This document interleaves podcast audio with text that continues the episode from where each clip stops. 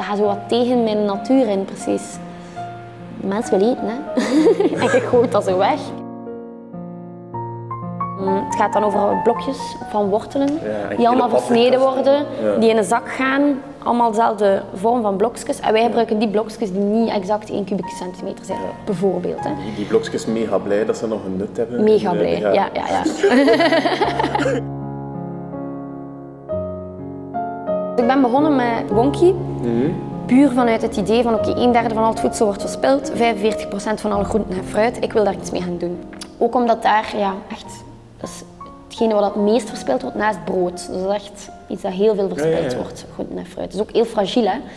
Ehm, en vanuit die optiek zijn we echt begonnen van oké, we gaan iets doen met groenten en fruit die anders verspild zouden worden. Oké, wat gaan we doen? Ik wou geen restaurant of zo openen, ik wou echt een product op de markt brengen. En dan ben ik eigenlijk op tapenades en dips en hummussen en zo gekomen, omdat ik dat een tof product vind, omdat je dat op heel veel kunt gebruiken, als broodbeleg, als aperitief, eh, als topping bij je salades, bij, bij je maaltijd. Je kunt daar van alles mee doen.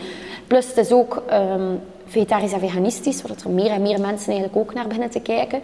Dus dat was eigenlijk zo echt een product waar dat ik mij, ja, Ja, Alles klikte zo. ja voilà, dat ik echt zo dacht van oké, dat past. Dat, dat is iets waar we mee gaan verder gaan. Maar heb je het ook zelf, die dips heb je in het begin effectief zelf proberen maken? Helemaal in het begin heb ik dat dus gedaan, eh, zelf dips gemaakt. Maar nu, ik moet zeggen, ik kan wel koken, maar ik heb totaal geen kennis over hoe de perfecte textuur en dingen. Ja. En wij hadden dat gemaakt op basis van pulp van groenten en fruit.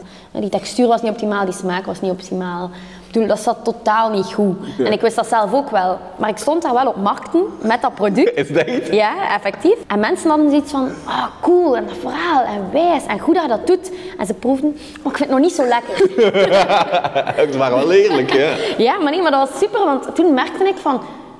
Ik moet hier iets mee doen. Gewoon, ik moet dat niet zelf maken. En ik moet een producent gaan zoeken die daar ervaren in is.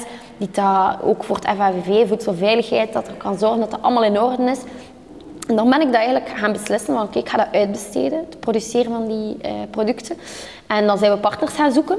En ja, dan botsten we op heel veel van, huh, wat? En voor hoeveel volume gaat dat? Goh, veel te weinig. Nee, sorry, we hebben geen interesse. Wat is, wat is het verschil in grootte eh, in verhouding? Hoeveel zijn, gewend en, hoe klein zijn jullie? Ik zal het hebben over de allereerste bestellingen die ik heb gedaan. Ja, Of, ja de allereerste. Dan denk ik dat dat max 50 kilo van elke soort was of zo.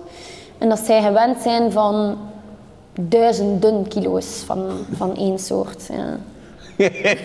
Dus jij moet aan hen vragen, zeg, mag ik heel die, eh, heel die, Heel die installatie hier even claimen. Dat is wel 50 kilootjes te maken Ja. voor mij, alsjeblieft. ja, dat is niet tof. Maar als we erin geloven, dan moeten we dat gewoon pushen. Hè, totdat En dat wel aan die duizend kilo zit. En dat was er eigenlijk ene partner, waar ik nu nog altijd mee samenwerk, die het erin nog in geloofde. En die geloofde in het concept. En ehm, die, ja, die daarmee aan de slag is gegaan samen met mij.